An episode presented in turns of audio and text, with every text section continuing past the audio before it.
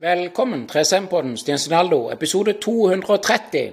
I dag så er jeg så heldig å få komme hjem til redaktøren i Lindesnes Avis, Siri Vinsje Pedersen.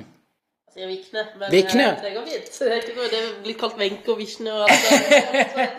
Det er ingen nyhet, det. det. Nei, men du Siri, hvem er du, og hva går jobben som ansvarlig redaktør i Lindesnes ut på? Den går ut på mye, altså. Men hvem er jeg?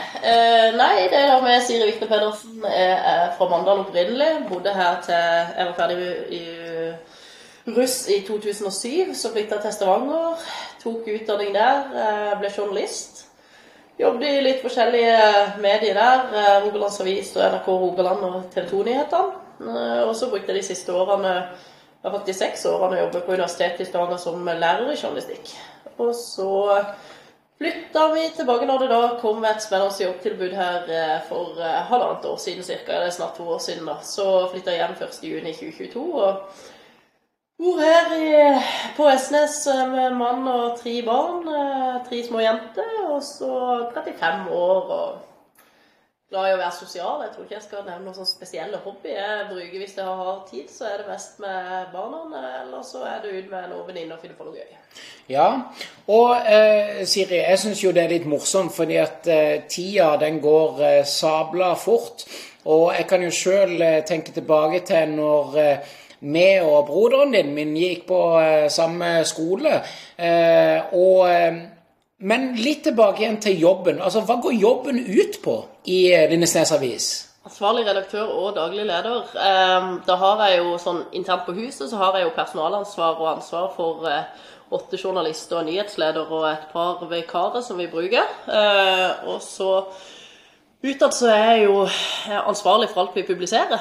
Så hvis vi publiserer noe som eh, ikke i tråd med etiske retningslinjer som Vær varsom-plakaten, som eh, alle norske medier som er medlemmer av Norsk Presseforbund følger, eh, da er det jo min feil, da, til syvende og sist. Så eh, da kan jo vi felles i PFU, som er pressens faglige utvalg, og da da har jo jeg altså alltid dette publisistiske ansvaret. Eh, Jeg har òg det daglige lederansvaret på huset, og så òg i en redaktør- og daglig lederrolle. Så er det jo det å bestemme hvilken vei avisen skal gå i, da. Eh, Hva vil vi med avisen? Eh, Hva er det vi syns er lurt å gjøre? Hva er mindre lurt å gjøre? Så kan jo være med og dra det i den retninga jeg mener da er riktig, samtidig som jeg er veldig opptatt av at dette er noe vi gjør sammen. Jeg tror ikke jeg er en sånn sjef som eh, blir sett på som en som er veldig enerådende. Jeg er veldig opptatt av at vi sammen i avisen har dette produktet både på redaksjonelt sammen, og så har vi jo en markedsavdeling som òg gjør oss gode. ikke sant? Vi er jo avhengig av at eh, vi alle sammen i avisen, grafikere, marked, journalister, alle spiller hverandre gode og lager et godt produkt som folk vil ha. Eh, Og det er jo til syvende og sist mitt ansvar da, at vi gjør det. Veldig godt svar. Jeg spiser en lussekatt, så jeg har litt mat i munnen. Men jeg vil gjerne fyre på og eh, spørre litt mer eh, i forhold til Du nevnte Vær varsom-plakaten. Kan du fortelle litt kort om de som ikke kjenner til den?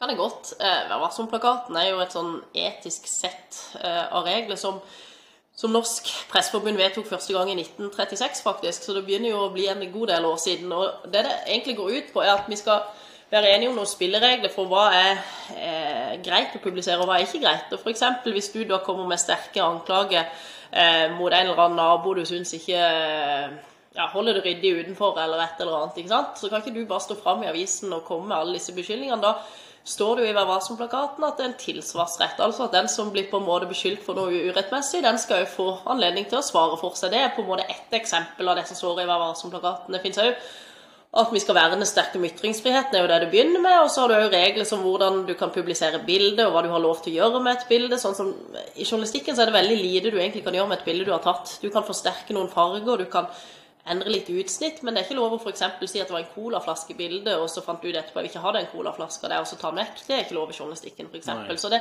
det er en del sånne regler som man følger når man er medlem av Norsk Presseforbund, og det er jo det som skiller en avis fra en blogg, ikke sant? Eh, andre kan jo velge å si at det, vi er et mediehus, eller er andre ting, men så lenge ikke de følger, og er forplikta til å følge, for det er jo det som er forskjellen. Du kan jo si jeg følger Vær varsom-plakaten, men hvis du er forplikta til å følge Vær varsom-plakaten fordi du er medlem av Norsk Presseforbund, da eh, har du en helt annen eh, måte å må drive avis på enn om du bare er en eller annen frittalende blogg eller podkast. ikke sant? Mm. Det eneste vel egentlig du trenger å forholde deg til, er jo at eh, det fins allikevel Det er ytringsfrihet, men det fins allikevel noen begrensninger for hva man kan si og ikke si. Ja, ja jeg syns det var veldig flott sagt. og jeg tenker, Hvis du kan fyre litt mer på akkurat den, Siri, i forhold til da denne her eh, fra, fra pod til, til liksom avis, eh, Skjærgården. Eh, driver de og fyres under denne Vær varsom-plakaten? Skjærgårdsposten og Skjærgårdspodden? Nei. De er jo ikke underlagt den. sant? Så Det er jo det som egentlig skiller oss i stor grad. Vi er forplikta til å følge noe som ikke de er forplikta til å følge. Ja.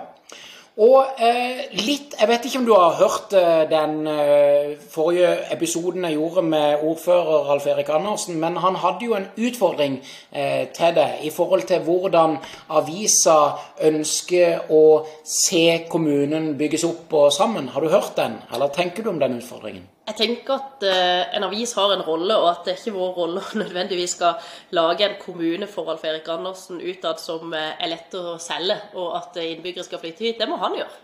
Han er ordfører. og han og politikerne må sørge for at vi får en, ja, en lukrativ kommune å flytte til, og en som mange har lyst til å flytte til. En avis sin rolle er å være både lim og lupe, og i det ligger liksom det at vi er ikke en reklameplakat for Lindesnes. Eh, det er ikke det en avisrolle er. Men vi skal samtidig òg bygge opp om det patriotiske. Vi skal både eh, være lupe, altså vi skal se etter hva er det politikerne gjør, hva er det pengene går til.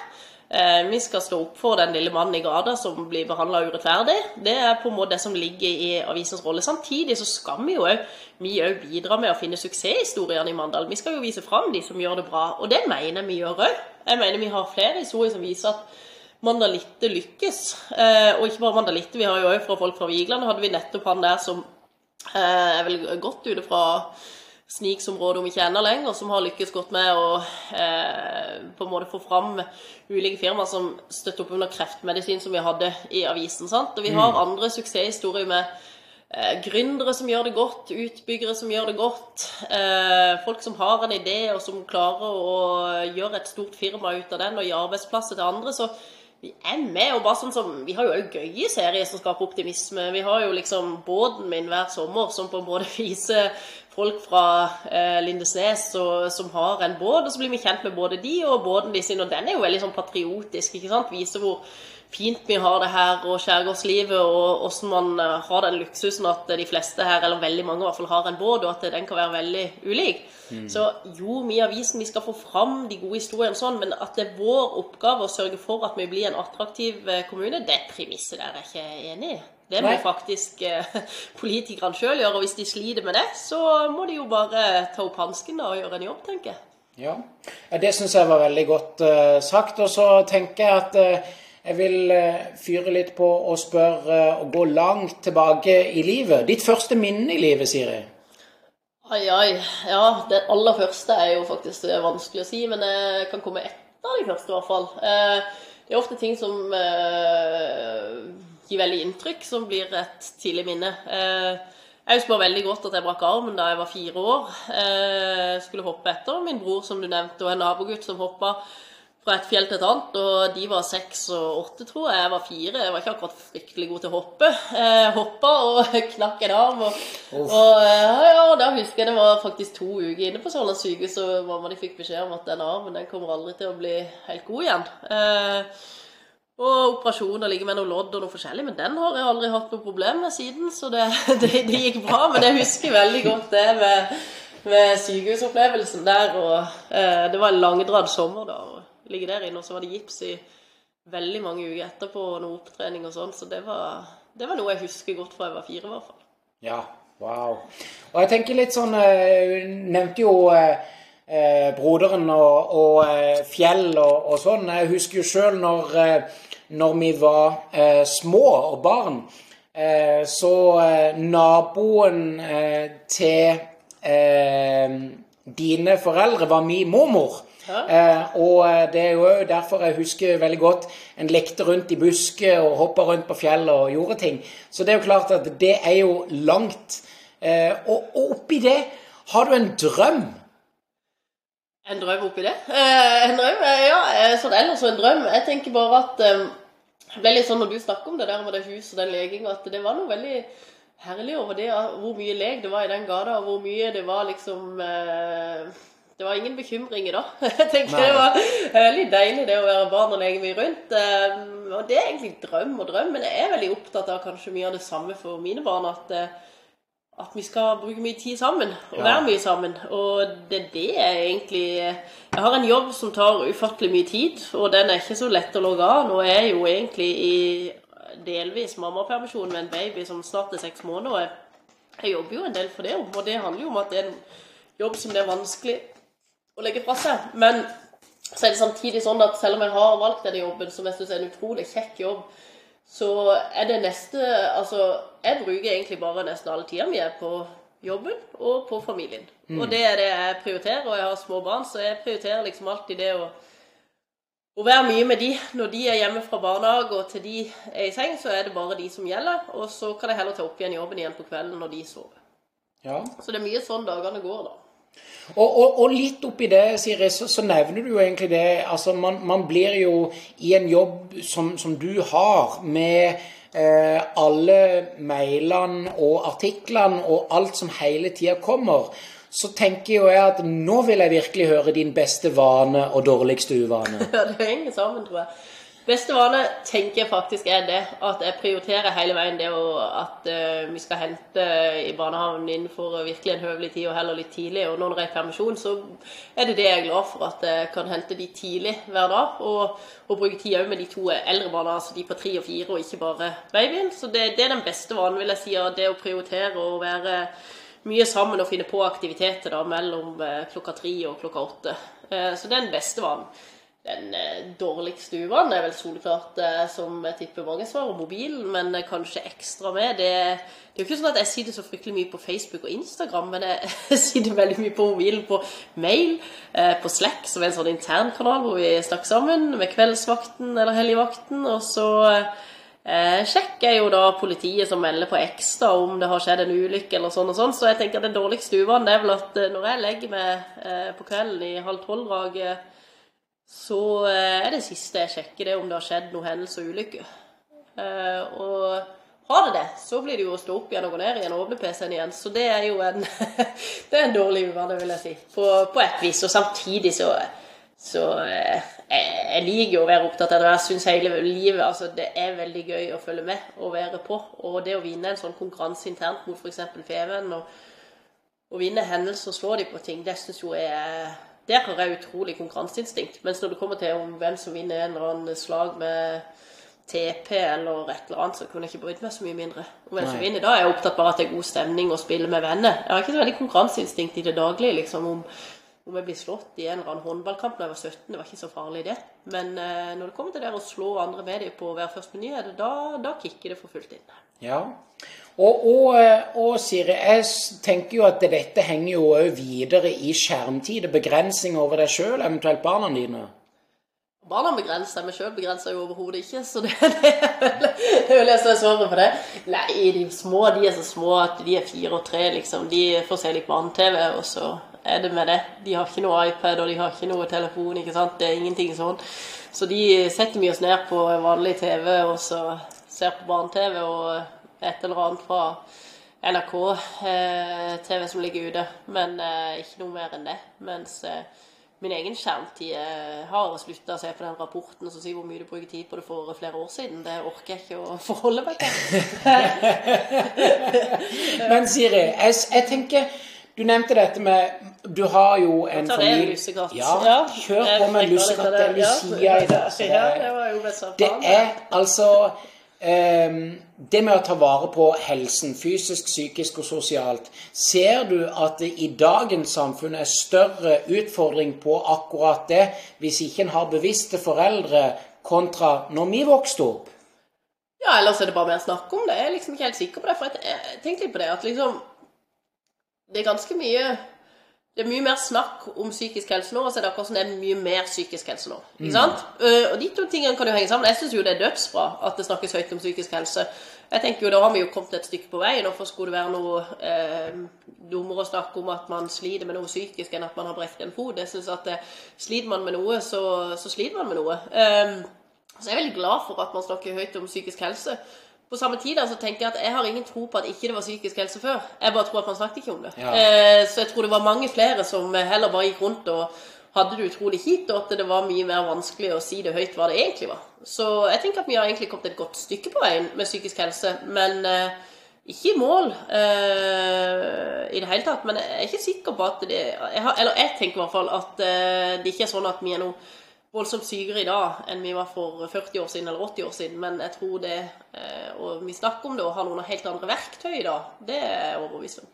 Jeg tenker jo at eh, jeg vil jo prøve å gjerne koble litt på der, Siri. For jeg tenker noen tanker eh, om rundt akkurat det i forhold til at når vi vokste opp, så hadde vi ikke Unnskyld. Disse eh, mobile datamaskinene kjent som en mobiltelefon i lomma eh, med oss rundt forbi overalt. Du måtte gå hjem, og du måtte ha en telefon med en kabel som hang på veggen for å få kontakt med eh, han du skulle gå ut og leke med, eller hun du ville leke med. Og jeg tenker jo at FOMO og SOMO, at disse forkortelsene i samfunnet har vært med på å øke eh, den fysiske, psykiske og sosiale helsepraten som har vært en konstant økning siden før eh, covid-19 og siden, siden vi har vært eh, store. Så jeg tror jo kanskje at det er flere ting som henger sammen. Men jeg syns òg det er fint å høre at du sier at det er blitt mer snakk om det nå, men det er jo fortsatt ikke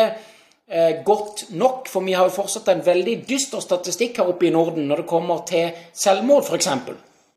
Ja, og det er jo for eksempel, hvis du, apropos selvmord, det er jo ikke noe vi i media heller skriver så mye om. For det er jo det er en kjent sak tilbake igjen til han gamle Eller det var vel Unge verters lidelser i Tyskland som kom ut av en sånn bok på 30-tallet som en som skrev om selvmord. da, ikke sant? Så det er jo snart 100 år siden. Um, men at det har jo en enorm smitteeffekt ofte, det å omtale selvmord. Så det er jo derfor mediene har vært veldig varsomme med å omtale nettopp for mye smitt, eh, altså selvmord fordi du er redd for at hvis du skriver om at mange hopper fra denne broa, så kan det jo plutselig føre til at enda flere hopper fra den broa eh, enn ikke. Så det med selvmord og mediene har jo vært en sånn en eh, De har ikke vært med å belyse egentlig kanskje hvor stort eh, problemet er, da. Og det er jo en negativ ting, for du skal jo ikke liksom ikke belyse et problem, men så er det vanskelig. Hvordan skal du belyse det? Mens det er noe som er virkelig oppe i dagene og diskuteres mye i eh, pressen da i Norge. Hvordan omtale selvmord, ikke sant? Så, så det er jo et vanskelig tema. Eh, og så, knytter du det til telefon. Jeg, jeg tenker helt klart at jeg er jeg er utrolig glad for at jeg slapp å ha Instagram da jeg var tolv år. Jeg er utrolig glad for det. Og du har jo sett noen sånne saker som NRK spesielt har lagd med hvordan de på en måte spinner seg inn i sånne eh, u, ja, nettverk der som er langt ifra sunne, da. Ja. I, på sosiale medier. Og så ender det opp med selvmord, og de heier på hverandre til å ta livet sitt, og sånn unge jenter.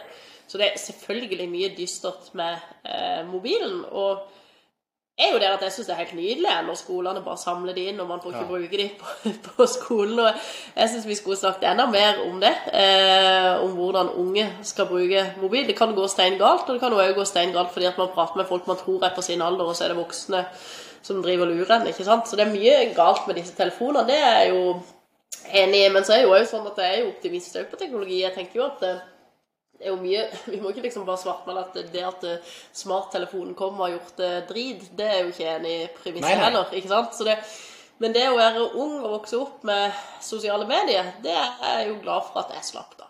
Ja, men jeg er helt enig med det der, Siri. Og jeg tenker jo at det er viktig at en eh, er litt eh, forsiktig med hvordan en ordlegger seg. Og jeg tror ikke det er sånn at det bare er mobile datamaskiner som er problemet. Det handler selvfølgelig konkret klart om bruken, og om òg vanene og uvanene man har med teknologien rundt det.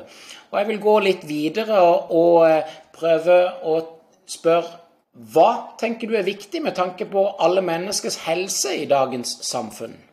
Skyte inn, det var noen gode lusekatter. Det var jo deilig å få på, på bordet her en, en formiddag i desember. Um, hva som var problemet med alles psykiske helse? Var det det du sa? Nei, Hvilke tanker du har med tanke på alle menneskers helse i dagens sitt samfunn? Jeg tenker at det første og fremst i hvert fall med dagens helse er at vi snakker om ting. Det er jo bra, og det bør man jo gjøre videre. Og så bør man jo kanskje legge vekt på at fysisk og psykisk ofte henger mye sammen. Så hvis man har mulighet for å komme seg mye ut og treffe folk og, og, og være i aktivitet, så vil jo det eh, gjøre mye for seg. Jeg tenker jo det, og det hørte jeg jo du snakke med ordføreren om i din forrige podkast, det å gå ut i Furulund og gå en god tur, det kan jo være bra både for det fysiske og for det psykiske. Ja. Så, men det burde jo òg da, tenker jeg ofte, en sånn kommune og sånn, bør jo stimulere til folkehelsetiltak. ikke sant? Sånn at når du da har en svømmehall, så er jo det noe som eh, mange barn og unge er glad i å bruke.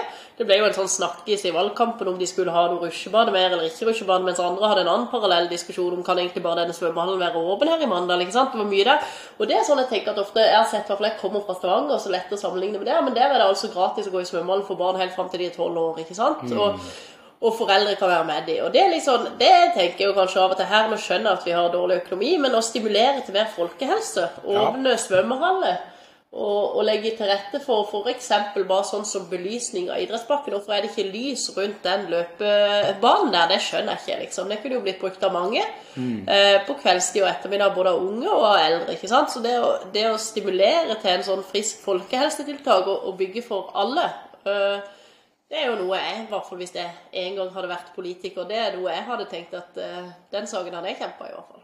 Ja. Veldig, veldig flott sagt. Jeg syns jo det er veldig Jeg vil jo legge inn noen ord og så si det at i forhold til du nevner Furulunden så husker jeg når Alf Erik sa det, så, så hør, hørte jeg at jeg skrek 'apoteket'. Men det, det jo, blir jo sett på som en form for eh, naturens apotek. Eh, og det har så utrolig gode helsegevinster, både fysisk, psykisk så vel som sosialt, å gå ut i Furulunden og gå langs sjøsanden og kose seg. Og bare for å hoste litt ferdig, det går bra, det. Lindesnes avis sine visjoner eller fremtidsplaner. Kan du snakke litt om de? Ja. Herre min. Han satt jo i halsen. Ja, ja. Ja, det skal jeg. Um, må jo bare drikke litt vann først. Men. Ja, vi må, ha litt, vi, må, vi må ha litt vann. Vi kan ikke ha noe som går i halsen. Oi, oi, oi. Du er altfor um, alt ivrig her på disse lussekattene du kom med. Det var vel det? Ja, men Lindesnes har vine sine visjoner og fremtidsplaner. um, nei, altså, visjonen er jo at det skal være en avis som eh, alle går til når det er noe som skjer i Mandal. At oi, nå skjer noe, da må jeg sjekke Lindesnes avis. ikke sant? Eller motsatt, hva er det som skjer? Og så sjekke Lindesnes avis. Og det, i det ligger jo det at man skal være en viktig avis for folket. Og så ligger det samtidig at jeg er ikke så opptatt av at liksom alle saker trenger ikke å bli veldig godt lest heller, men vi skal gjøre dem fordi de er en del av samfunnsoppdraget vårt. Så vi skal dekke mye politikk. Vi skal vise folk hva er det som vedtas, hvorfor vedtas det, hvem var det som stemte for. Og vi skal gjerne komme i forkant av politikken, at liksom vise at dette blir en diskusjon, dette kan skje. Sånn at folk kan være med og, og si noe før ting er endelig avgjort. Um, så det er jo et samfunnsansvar vi skal ta. Uh, vi skal jo være patriotiske, vi skal jo det. Vi skal jo gjøre at folk uh, syns det er stas å lese avisen om andre og kjenne på litt stolthet over at de er fra Lindesnes, og at eh, for noen flinke folk vi har her òg. Så det er jo et blanda ansvar vi har. Og visjonen er jo det at vi skal fortsette da å være viktig og være et, eh, den viktigste avisen her. Vi er nummer én-avisen i Lindesnes. Det er oss flest leser her av innbyggerne, og det skal vi fortsette å være. Og det er jeg veldig stolt av at vi er òg. Så det å ha den posisjonen vi har, og ikke legge oss på latsida, er vel eh, målet. Fortsette, jobbe på, og så ser jeg jo potensialet for ting vi kan gjøre enda bedre, eh, gjøre enda mer av. Men sånn vil det alltid være å drive en mediebedrift. Altså, det er jo det som er både gøy og litt kjedelig av og til. at eh, En gang vi har oppnådd noe egentlig er og jeg tenker at dette gleder meg til at det skal vi få gjennom. Så har vi jobbet med noe i kanskje to måneder, så er vi ferdig. Så istedenfor liksom da å være dødsfornøyd med det en stund, den, da er jeg bare allerede videre på hva er det neste vi må, må fikse oppi her. Så jeg må, det har jeg liksom tenkt litt på det siste. Jeg må, må, lære meg å være litt mer fornøyd når noe går veien. Og så er det samtidig tror jeg den utålmodigheten som gjør at man eh, drives framover. Eh, så jeg tenker folk er ganske fornøyd med avisen for tida. Det er i hvert fall det jeg får tilbakemeldinger på. Og det blir jeg jo veldig stolt av og, og, og glad for. Samtidig så så kan vi bli bedre. Eh, og det må vi bare fortsette å bli, tenker jeg. Absolutt. Jeg syns det var et veldig flott og godt svar. Jeg lurer litt på hvor viktig er det med kildekritikk, research i avisen før publisering? Nei, det er jo helt absolutt, tenker jeg, et krav. Hvis ikke du har gjort eh, kildekritikken eller researchen, så kan du egentlig ikke publisere. Så da, det må du gjøre nøye. Du må sette deg inn i sakene du skal ha, og se at det er riktig, og at eh, du som sagt følger spillereglene. Eh, Og hvis ikke du har gjort det, så publiserer vi ikke en sak. Og eh, jeg vet ikke, jeg husker ikke helt hvordan min mor har sagt det, men hun har snakka noe om at det skulle ha vært en modell i prosent som forklarte litt om at eh, helst 60% positive nyheter, så kan 40% være negativ. Eh, nå vet ikke jeg om det er relatert til Vær varsom-plakaten eller bare nyhetene generelt i dag. Men kan du forklare litt om den modellen dere bruker i prosent i forhold til positive og negative nyheter? Vi bruker ingenting sånn. Eh, Det er ikke noen modell. Det er egentlig sånn det foregår i Lindesnes, at du kommer på et morgenmøte. Det begynner egentlig alle med i hele Norge med. Det er en veldig sånn eh, klassisk ting uansett hvor du jobber. At du begynner dagen med å skru på PC-en og åpne mail og litt sånn, og etter et kvarter så samles alle i redaksjonen og tar et morgenmøte. Og da begynner alltid de møtene litt med å evaluere gårsdagen. og Hva det vi gjorde som var bra, hva var det vi kunne gjort bedre, og er det vi eh, mislyktes på, hva var det vi lyktes på? En liten sånn uh, situasjon på det. Rapport. Og så går vi egentlig videre på dagen i dag, og kanskje òg flere dager lenger fram. Eh, og da diskuterer vi hvilke saker er vi skal løse. Og da er det egentlig en forventning til at journalister som kommer til det morgenmøtet, har forberedt seg og har noen saker på blokka si.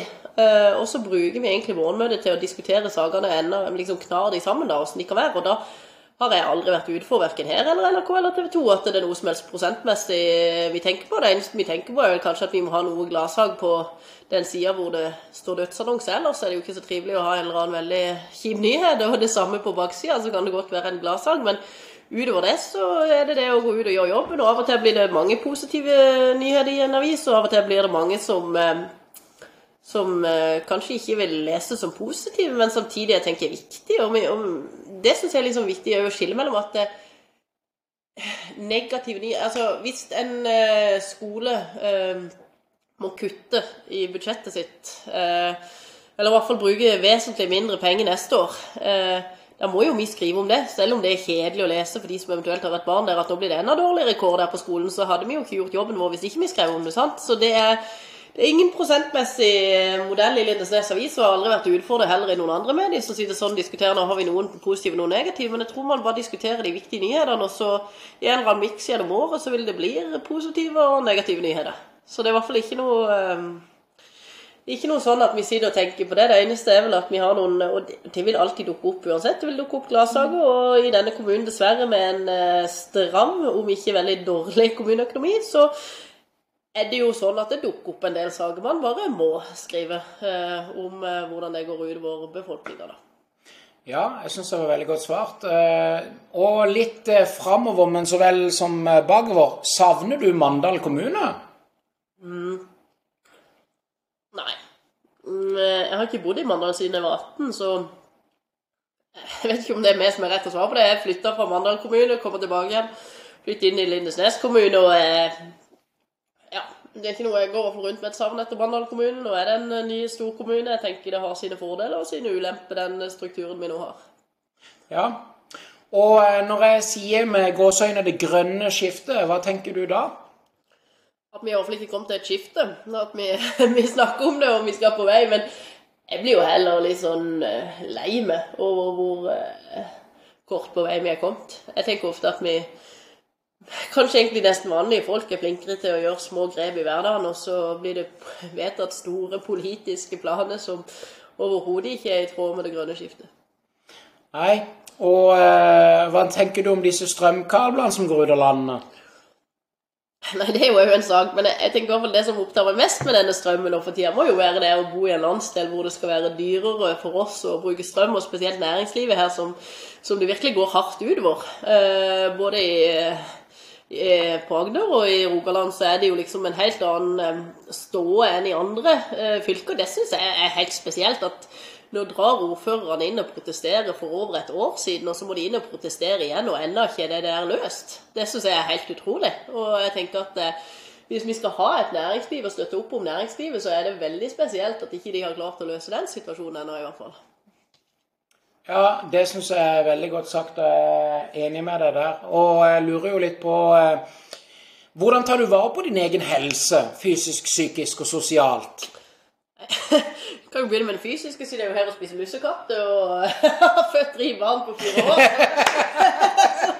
Så den fysiske helsa er i hvert fall ikke vanlig den en gang var. Det kan være sikkert å visst. Det er vel eh, 25 kilo opp det på, eh, siden 2018. Så der har jeg jo en jobb å gjøre. Det har vært noen graviditet og litt mye sånn. Så nå har jeg faktisk helt eh, nylig denne uka begynte å løpe igjen.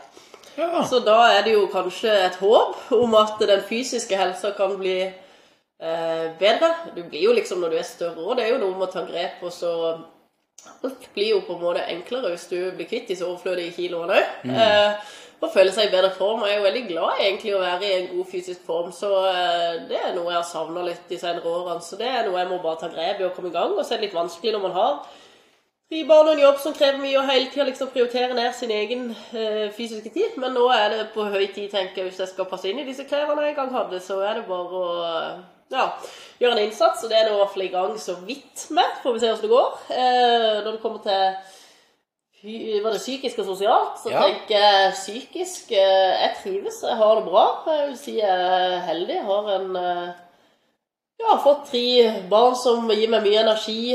En mann som eh, trives godt eh, både i Stavanger og er med ned her. Og er rundt og aktiviserer seg. Og så har jeg eh, har det greit på jobb og, og fritid, så da er jo mye gjort med den psykiske helsa. Eh, og så tror jeg jo det henger sammen med fysisk og psykisk. At når jeg da kommer til å trene mer og føle seg mer vel, så blir det jo sikkert eh, enda bedre sånn energiboost, liksom. Vil jeg tro.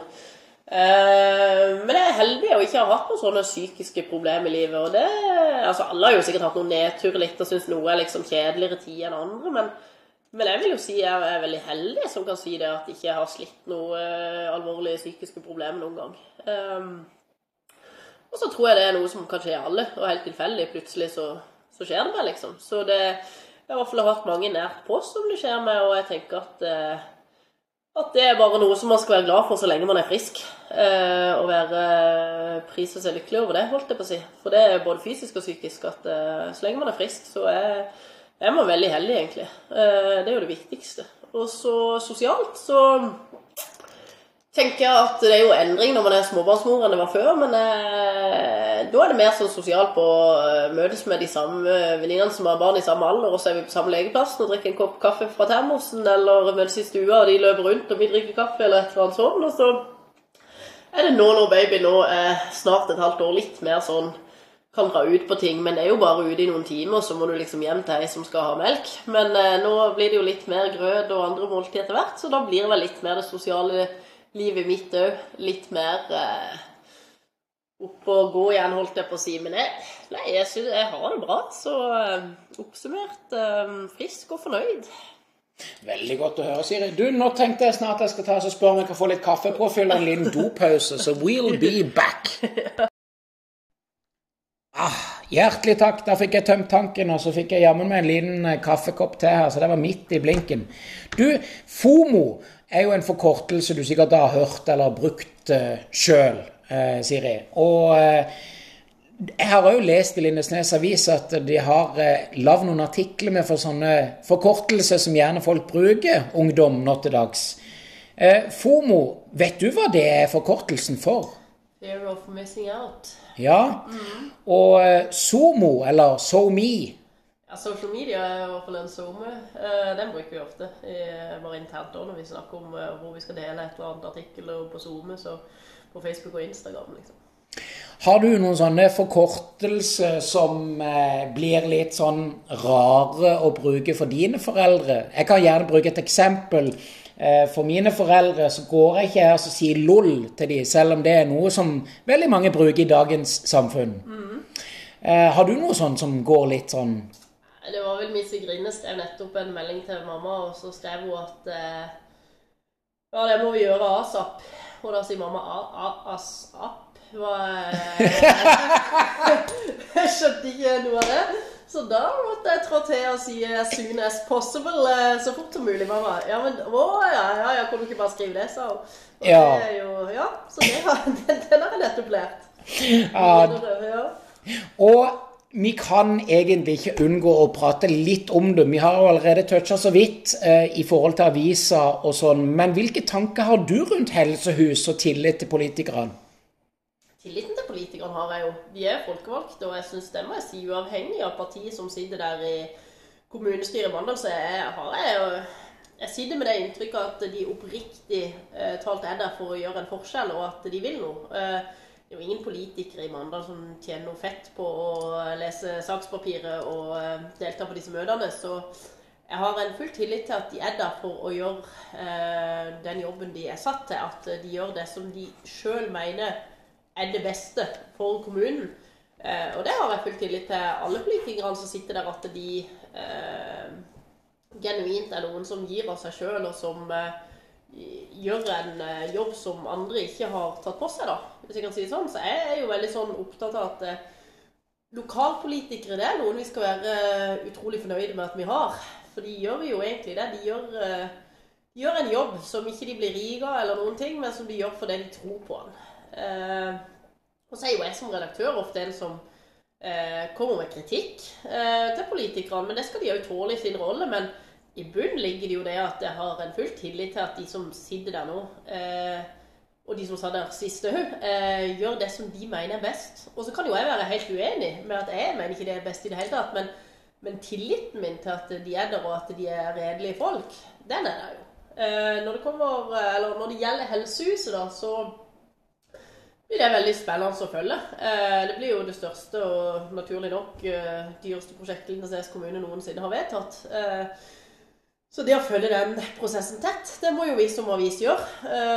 Og det som er mye sagt av alle politikerne, som er jo at det er en utrolig stor utgift. Men tar vi han til oss, så vil han jo bare vokse og vokse og vokse. Og så om fire år til så blir han enda større. ikke sant? Og, så egentlig angrer de vel bare på at ikke de gjorde den for åtte år siden. eller, ikke sant? Så det er noe vi trenger. Uh, og så vil jo alltid være diskusjon om hva vi trenger, hvordan det helt skal se ut inni der. sant? Men uh, å vedta et helsehus uh, i Lindesnes virker jo som er det man må gjøre. Og så kan man samtidig, da, mener jeg, være lov å ha to tanker, og så lure på hvorfor man legger ned korttidsplasser oppe i Manadal før et helsehus står ferdig osv. Det er jo noe som kanskje er litt vanskeligere for å forstå.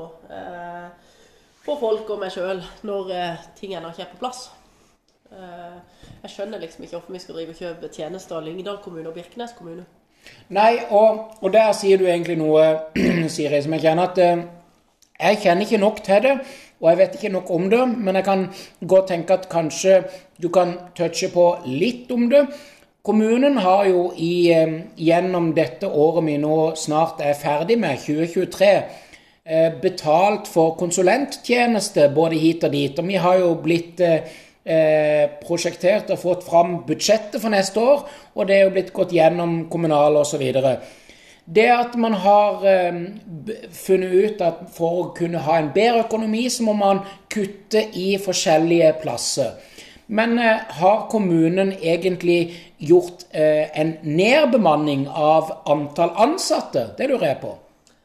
Nei, det burde du ha stilt han eh, Erik spørsmål om. Men det er, det, det er, jo det, som er at Det var jo et premiss når kommunesammenslåinga ble gjort her i Lindesnes, at alle skulle i kommunal sektor beholde jobbene sine. Det lå jo til grunn. Og så tenker jeg jo at eh, det er kanskje det som gjør at kanskje kommunen på sikt ikke Det er mange faktorer, så det er så veldig lett å sitte og være en ekspert utenfra. Det, det, må jeg si, fordi at det er mange faktorer og, ja, mange variabler inni det regnestykket. Men det at man ennå har på en måte beholdt alle da, eh, i kommunen, så, så, tviler jeg på at folk i kommunen gjør en god jobb. Det har jeg faktisk full tillit til det òg. Men jeg tror at med å gjøre det sånn, og ikke på sikt kanskje tenke at vi skal omstrukturere noe, eller se på skolestrukturen som helhet, så blir det enda kanskje en følelse fra innbyggerne at vi enda faktisk er egentlig tre kommuner istedenfor en, en helhetlig.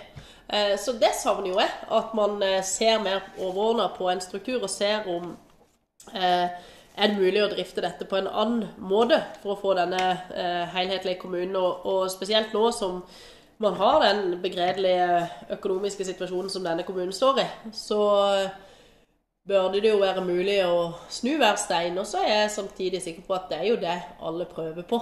Eh, og så er det bare ikke noe quick fix. Eh, og så må vi jo allikevel fortsette å, å se hva som er mulig. og er det topptungt, eller er det noe eh, annen plass som det er for mange som eh, burde gjort noe annet, så, så, er det jo noe som kan tas tak i. Men jeg er ikke, er ikke helt sikker på at det liksom er noe sånn helt lett utgang i det, men det å i hvert fall se på etter eh, tre, snart fire år inn i en ny kommune, hvordan strukturen bør være, og hvor mange trenger vi i eh, f.eks.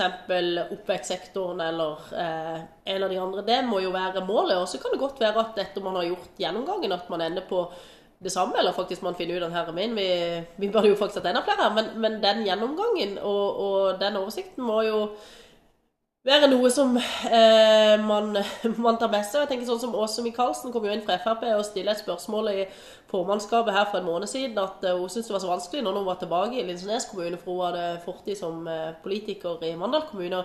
Hun forsto faktisk ikke alle disse leddene. Hvem var sjefer for hva, og hvordan er det? Og når en politiker da stiller spørsmålet, så håper jeg det er noe som følges opp, uh, og man ser på.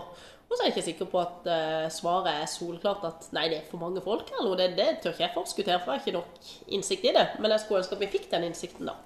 Ja, og, og det syns jeg du sa fikk uh, ordlagt deg veldig godt på der, Siri. Og uh, har du tenkt litt på hvem neste gjest du ville sende meg videre til skulle være, før vi går i gang med litt tips? Jeg hadde egentlig to gjester jeg syns du bør dra til. Å oh, ja, to, ja. ja. Er det velg og vrake? ja, egentlig det. Så jeg vet ikke, vil du ha begge to, og så ser du hvem av de som tar opp tråden, eller vil du ha én? Vi tar begge to. Ok. Da tenkte jeg at Endre Thomsen er den andre i denne kommunen som driver mye med podkasting. Så at dere to podkastere treffer sammen, det vil jo jeg tenke at kunne vært spennende. Så det var det ene forslaget mitt. Og det andre forslaget var Espen Regevig eh, på Mandal Bil, som jeg tenker at eh, har god oversikt over næringslivet i kommunen. Kunne tenkt meg at han kunne fortelle litt om hvordan han ser for seg 2024, eh, utsiktene framover. Hva er det som eh, Ja, hvor er det skoen trykker, da, eh, for næringslivet? Der tror jeg du har en fin mann til å fortelle om det. Så Regevig og Thomsen, jeg syns du egentlig skal ta begge to, men eh, det blir jo opp til det, da, Stian. Det syns jeg hørtes veldig fint ut, sier jeg tenker, før vi setter i gang med å høre dine beste tips, så vil jeg jo gjerne spørre deg, hva betyr ordet lykke for det, og hvordan påvirker det deg daglig? Lykke når du har det godt. Eh, for meg er ikke lykke i hvert fall noe materielt. At jeg skal ta i det jeg ler, så blir jeg lykkelig. Jeg har ingen tro på. Eh, lykke når vi er, som jeg har sagt litt tidligere i den podkasten, alle er friske. Nå har det jo vært noen runder når man har barn med at man er mye syk. og Eh, hadde vel ti dager i strekk hvor det bare gikk på tur fra den ene til den andre, til den tredje, til den fjerde, til den femte. holdt jeg på å si. Så da, eh, når vi er friske, og vi har det godt og ikke har noen bekymringer for om eh, noen regninger skal betales, eller noe som henger over en som en eh, mørk sky, så tenker jeg at da, da har man det godt. Og Jeg er veldig glad i hverdagen. Jeg må si, jeg går ikke liksom og teller ned til noe sånn julaften, nyttårsaften, disse her dagene.